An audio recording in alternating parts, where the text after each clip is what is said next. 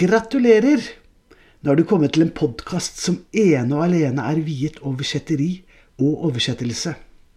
Jeg har kalt den 'Oversettere er ålreite folk'. Og selv heter jeg Cecilie Winger. Heng på, heng på. Ja, da er det tid for januarpodkasten av 'Oversettere er ålreite folk'. I dag har jeg fått med meg to herrer. To drevne oversettere, får man si. På den ene side sitter Eivind Lilleskjære, på den andre side sitter Gunnar Nyquist. Velkommen til dere begge. Takk for det. Takk. Jeg vet at lytterne er veldig interessert i hvordan dere har havnet ute i oversetteriet. Hvem har lyst til å fortelle et par setninger om det først? Gunnar? Ja.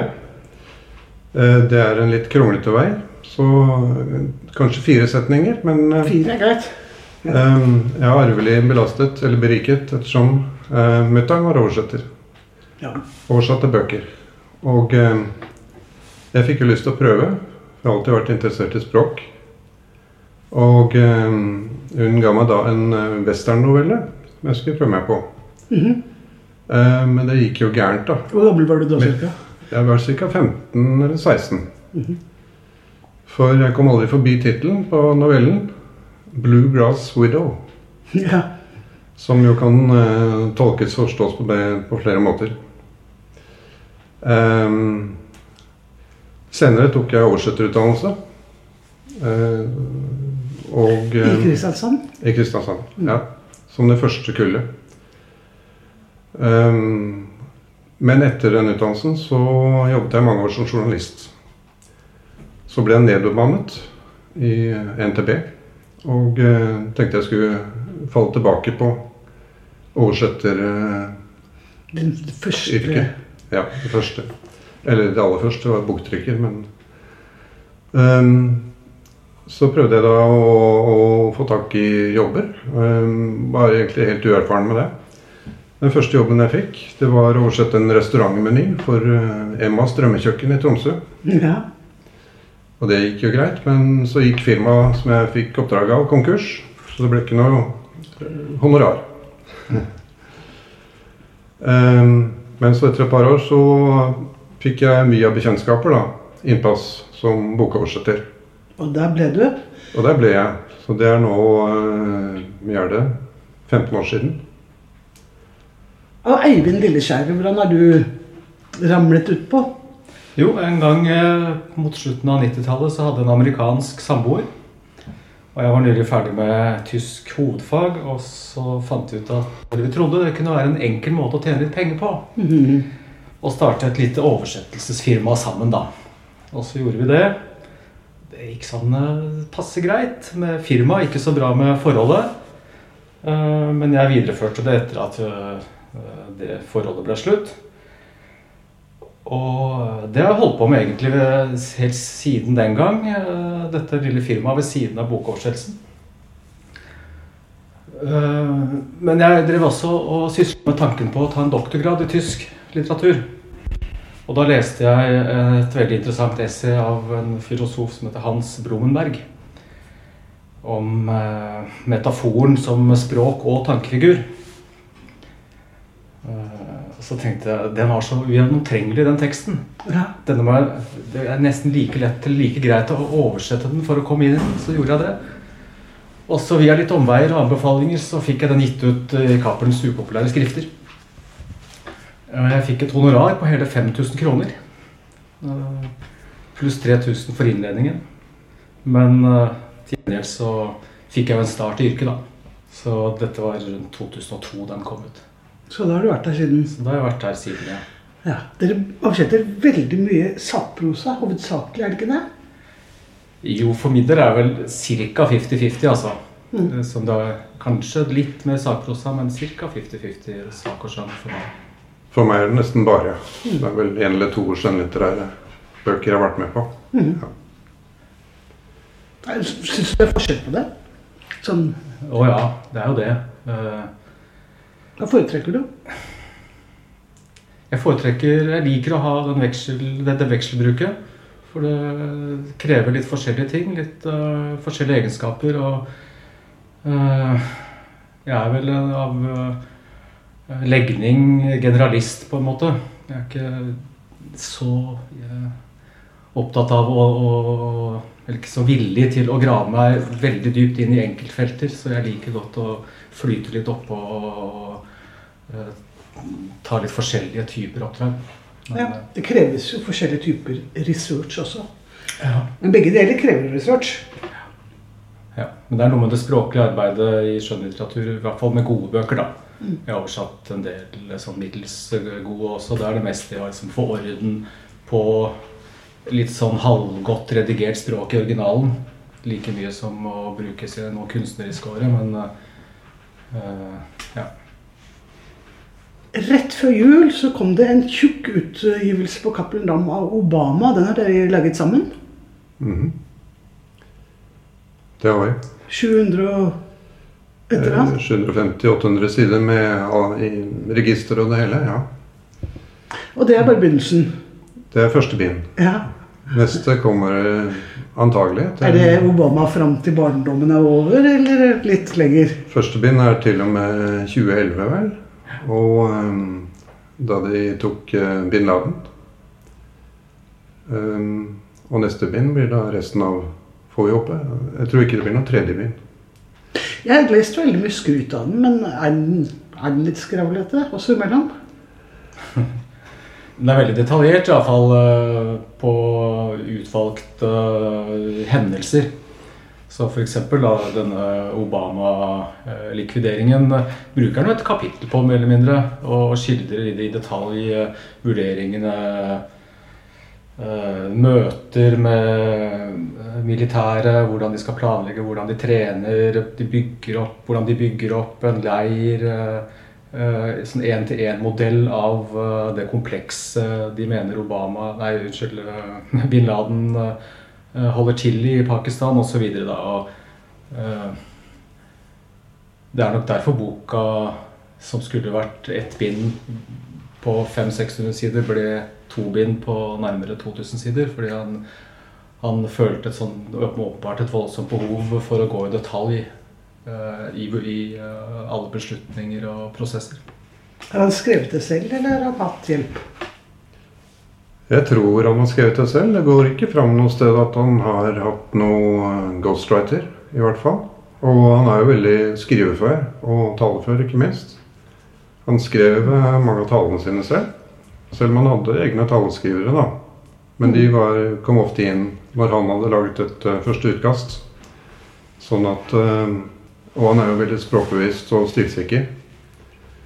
Og Han sparer vel inn en del tid på ikke være så mye på Twitter som mange andre presidenter gjør. Han har tid til å sitte og jobbe. Det kan man si. Ja. Nei, jeg syns også som Eivind at det var eh, i overkant uh, omstendelig. Alt, all tautrekkingen i Kongressen om uh, uh, finans, under finanskrisen, om stimulansepakker og, og helsereformloven, vil bli veldig detaljert. Du bør nok være spesielt interessert for å glede deg over det. Den delen av boken, i hvert fall.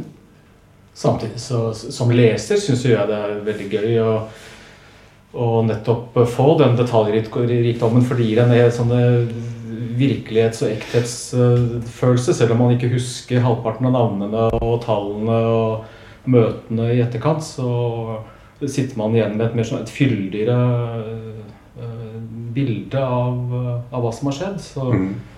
uh, uh, det, har både, det, det er pluss- og minussider ved å skrive så detaljert som man gjør, men eh, det er nettopp det at jeg syns ikke det blir skravlete. Nei. Eh, Men mer eh, Ok, kanskje ikke alle har bruk for all informasjon, Mm. eh, men skravlete er det ikke, altså. Så Nei. jeg synes, eh, Stramt redigert og veldisponert. Nettopp. Ja. Hvordan er det å jobbe sammen? Det er jo kjempefint. Mm. Eh, Absolutt. Ja, jeg telte opp her før vi kom. Eh, Jeg tror det må være Skal vi se To, tre Femte eller femte boka vi jobber sammen eh, på dette her. Ja, Gjennom ca. ti år. mm. Og det er en fordel, for da kjenner Ja. dere hverandres metoder. Ja. ja det, er, det er veldig fordel på alle måter. Altså Oversettere er ensomme dyr. Ja. Og eh, det å kunne jobbe sammen med noen er et savn. Um, Og eh, særlig når man kjenner hverandre og, og kan utnytte den, eh, det bekjentskapet. Ikke Mm. sant? Vi snakker Vi vet hva vi mener når vi snakker sammen. Ja, ofte. ofte. Ja. Og er nokså på linje når det gjelder språk og, og ja, stil. Sånne ting. Fordeler dere hver deres del, eller Ja, som regel. ja. Og så må dere jo lese tett den andres også, eller? Det er det sjelden tid til, altså.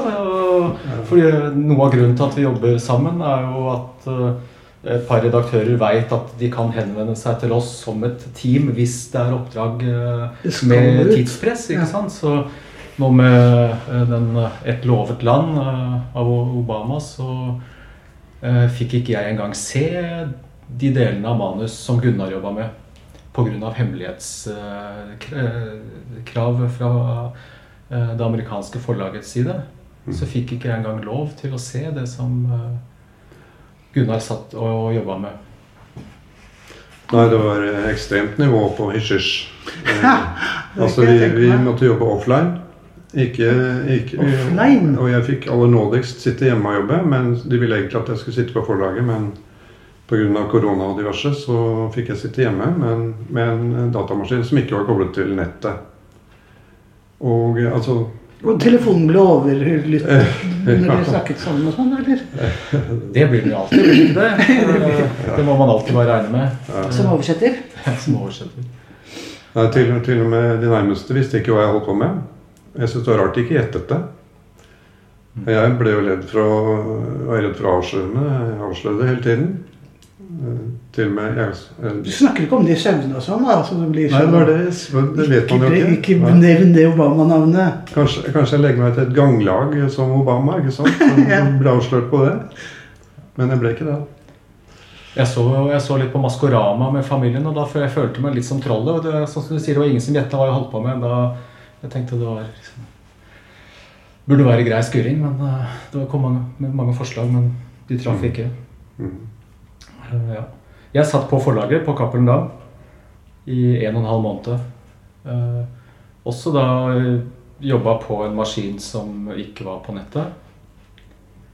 Så jeg måtte ha min egen PC ved siden av, så jeg kunne søke, bruke ordbøker og gjøre research eh, på nettet. Ja, for jeg vil tro det er mye research på en sånn bok. Hva ble Ja. det begrepet der kalt under den politiske prosessen osv.?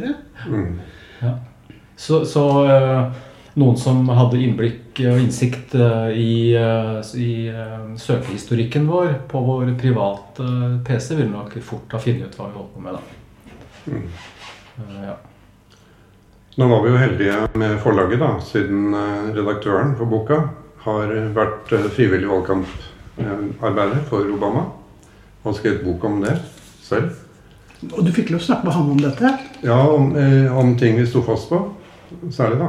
Og, og eh, han visste jo mye mer enn vi, ikke sant, om bakgrunnen og, og alt sammen. Og kunne finne de rette begrepene. Det, var jo, det er mange, mye terminologi som skal på plass i en sånn bok. Ja, det vil jeg tro. Um, Og det er en lettelse å bli ferdig, eller? Med, med, ja da, det var det. For det var jo en, eh, en eh, Det var hektisk mens det sto på. Men du sa i stad at det kommer ett bind til. Har du lov til å sitte og si det?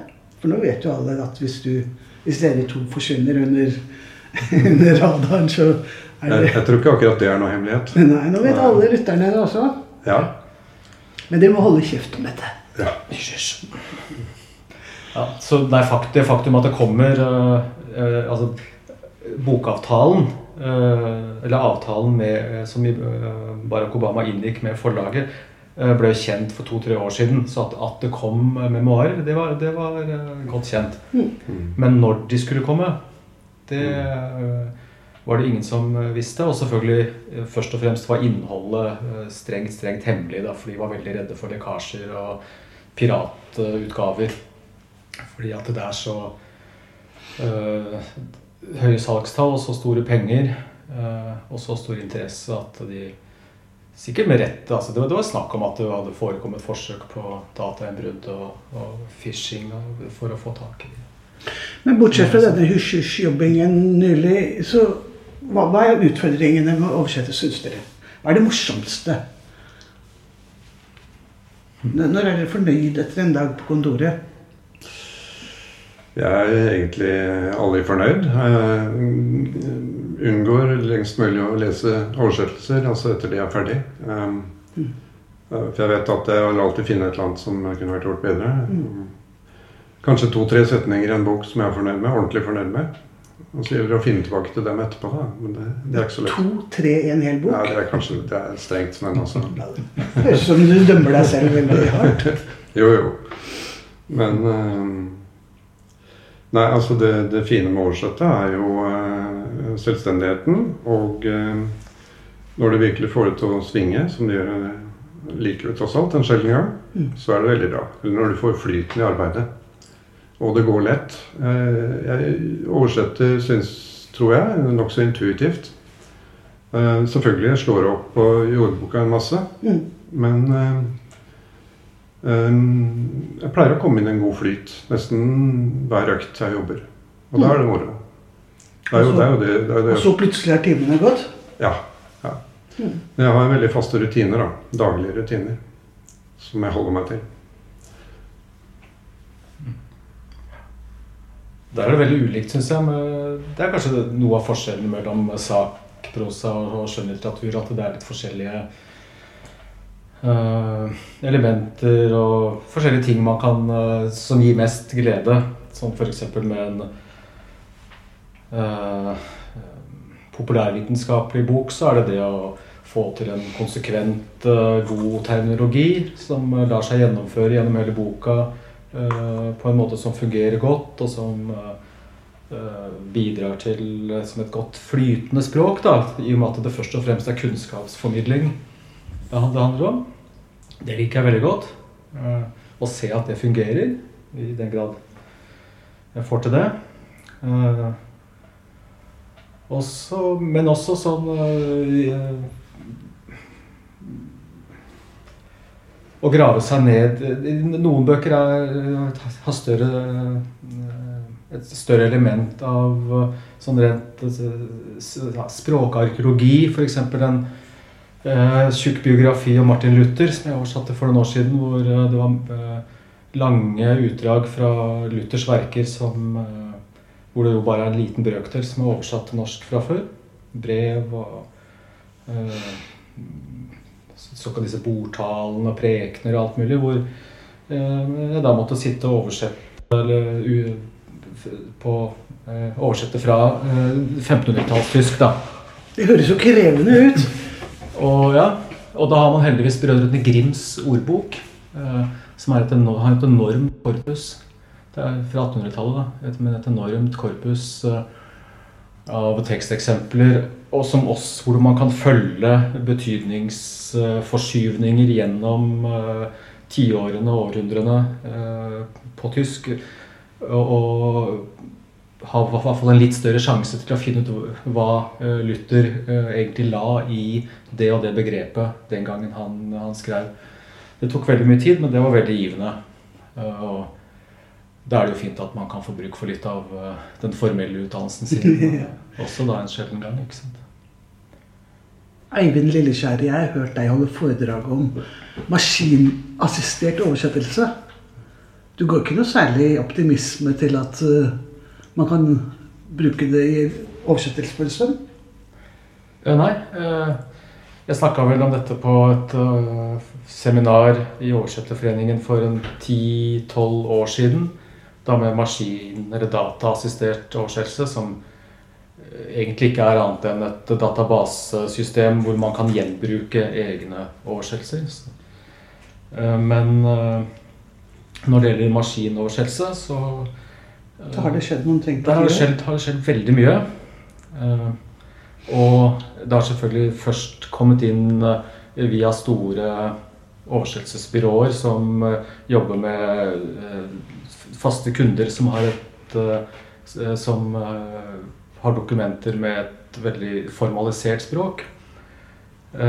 Men mer og mer har de som jobber for byråer, merka at oppdragene de får, er såkalt post-editing. At det er maskinoversatt, og så skal de sitte og rette opp. Og, Redigere bare. ja, og redigere i, i ettertid. Og så tror jeg de fleste litterære oversettere eh, tenker at ja, nei, men eh, dette vil ikke bli aktuelt eh, for litterær oversettelse. fordi at der må man være konsistent, det må være sammenheng ikke bare på setningsnivå, men avsnitt og, og, og hele verker. Mm. Eh, Men der har det, så vidt jeg har skjønt, skjedd teknologiske uh, framskritt. Eh, og- Det er jo klart at Google Translate det er jo så mange mennesker som legger inn tekst der, så de kan jo hele tiden Altså, de får større og større ordforråd. Men eh, det er jo mange feil foreløpig. Ja. Man kan ikke sende det ut mellom to permer. Ja. Og musikalitet i språk. Og det er sånn eh, du og, og vi som, som er, er eh, bokoversettere og, og, og på en måte en del av eh, en kunstnerisk virksomhet tenker. At ok, det som kommer ut av maskinen, det kan ikke gis ut mellom to permer. Nei da, det er det heller ingen som tror. Men eh, for eh, si en ny aktør i, i forlagsbransjen som vil presse seg inn i markedet for underholdningslitteratur, og tenker hvordan skal jeg klare dette, hvordan skal jeg konkurrere mot de store aktørene? Jo, en av måtene å gjøre det på er å, er å kutte kostnadene. Og da blir det en, en ren kalkyle. Eh, Hva er billigst av å sette en profesjonell oversetter til å oversette fra scratch? Eller å kjøre manus eh, gjennom en maskinoversettelsesalgoritme, og så betale den samme oversetteren eh, for å redigere i etterkant. Og der vil man eh, Det er store økonomiske interesser inni det her.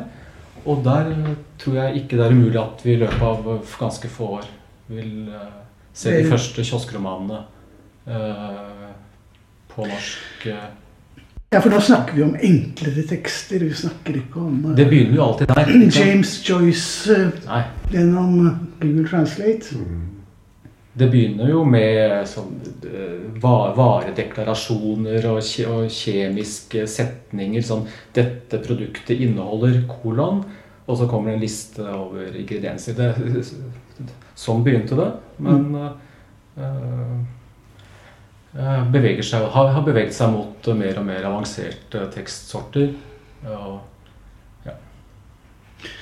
Fordelen med bokbransjen er jo at man hele tiden har et kulturråd som holder i ørene enn så lenge. Så vi blir kanskje ikke Jeg regner med at ikke vi blir arbeidsledige i vår tid. ja. Men jo, jeg ser kanskje at det er litt som bransjebyråene, at ikke det er en bransje å skyte inn alle aksjene sine i akkurat nå. Ja, men i, i fall så, så tror jeg vi skal man eh, gjør klokt i å være oppmerksom på det. Og sånn at man ikke Sånn at ikke håret står rett til værs den første gangen et forlag ringer og spør kan du tenke deg å postredigere eh, en, en roman. Da har vi kommet over i den delen hvor vi vil ha høytlesning fra dere to. Hva er det dere har med dere? Hvem vil begynne? Ja, Eivind griper ordet. skal jeg ta den? Jeg, jeg har eh, Nå blir det noe skjønnlitterært her, da. Fordi rett før jul så leverte jeg et manus eh, eh, En oversettelse av eh, Charlie Kaufmans debutroman 'Ant Kind'. Eh, noen kjenner kanskje Kaufman som manusforfatter i filmbransjen. Blant annet av 'Being John Malkovich' Ja.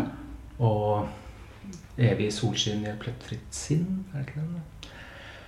Og et par andre filmer. Eh, Han har Oscar-statuetter og er en av de mest kjente og anerkjente manusforfatterne i, filmbransjen. Men han har nå debutert med en eh, roman som han har skrevet etter eget uh, utsagn, i hvert fall.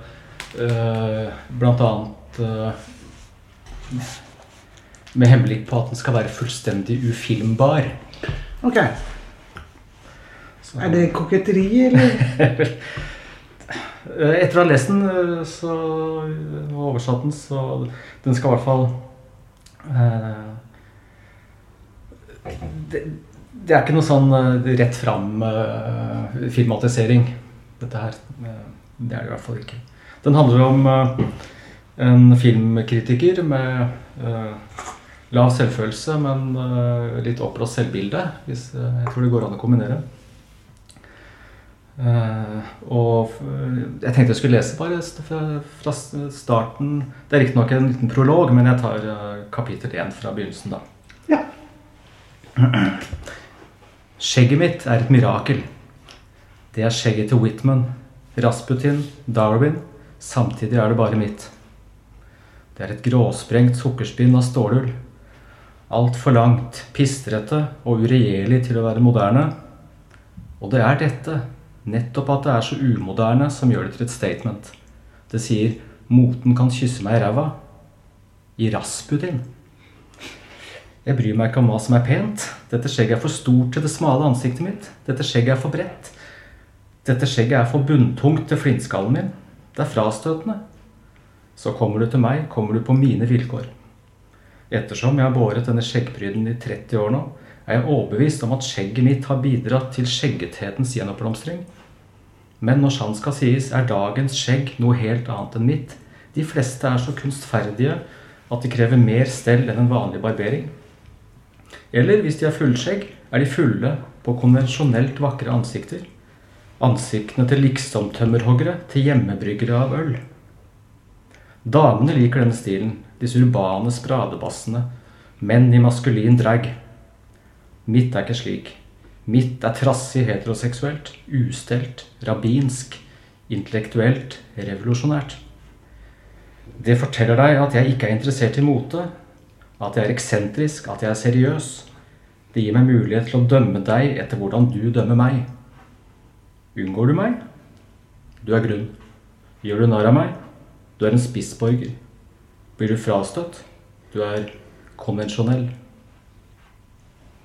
Det var ganske morsomt. Er det hipsternes Han, øh, det er hipsternes svøpe, dette her. Jeg lurer på en ting. altså, du sa noe sånn Rasputin. Hva, hva sto det der egentlig i originalen? Det høres ut som en Det sto noe helt annet. Ja, det Eh, Det sto noe helt annet. Eh, eh, Det sto eh, fordi at han nevner jo tre forbilder. Whitman, Rasputin og Darwin. Så han hadde lagd et ordspill på Whitman. Ok. Ikke sant? I don't care what about Uh, Ja, men den var du veldig heldig med, syns jeg. Eller Ja. den var du dyktig med, heter det vel heller. Ja. Heldig og dyk, kanskje dyktig. For dyktig. Man må finne på noe, i hvert fall. Hva het boka, sa du? Antkind. Maurheten. Uh, Ja. Det er, eh, det er snodig, men det, det, det gir en slags mening ute på side 600. Ja, vel. Hva er du med deg, Gunnar? Ja, med en bok av eh, Robert McFarlane, en eh, naturutforsker, oppdager, eh, forfatter. Uh, Livet under jordoverflaten. Hvor han har utforsket uh, rom under, under storbyen Paris. Og, og hulemalerier, altså hulemalerier i Lofoten. Eh, mange forskjellige underjordiske opplevelser. Spennende å følge. Jeg leser litt fra kapittelet om Paris. Hva kan jeg fortelle om opplevelsene mine i den usynlige byen? At jeg aldri har gått så lenge uten å se dagslys. At vi en kveld, eller kanskje dag, hører på Dig for Fire med The Pixies og legger telefonen inntil tunnelveggen, så fjellet blir resonanskasse og løfter stemningen og får meg til å smile. At den kvelden vi kom opp til overflaten igjen, viste drakonidemeteorsvarmen seg som sølvstriper på himmelen. Og at den dagen vi stiger ned i den usynlige byen, samler det seg tornhøye skyer over lavlandet nord for inngangen. Flate jorder, firkantede kirketårn med spir, rekker med poppeltrær, gårder med røde tak, lavland, flatland. Det siste jeg ser av solen, er et vestlig bluss under regntunge skyer, delvis skjult av en stor jordhaug med uviss funksjon. I øst er skyene lave og jevne. Regnskurer faller skrått over en landsby langt borte, og solen går ned bak den underlige jordformasjonen. Senere i skumringen går vi inn gjennom en dør i en murvegg som har merket adgang forbudt, sniker oss gjennom et hull i et nettinggjerde, rutsjer ned en bratt skråning til en jernbanelinje og går knasende bort til tunnelåpningen. Veldig fint. Veldig fascinerende. Tusen takk for at dere kom her i dag. Selv takk. Du har akkurat hørt ferdig en episode av 'Oversettere er ålreite folk'. Podkasten produseres av Ivi Grimstad. Den støttes økonomisk av Norsk Oversetterforening. Og selv heter jeg Cecilie Winger. Fortsettelse følger, så heng på, heng på!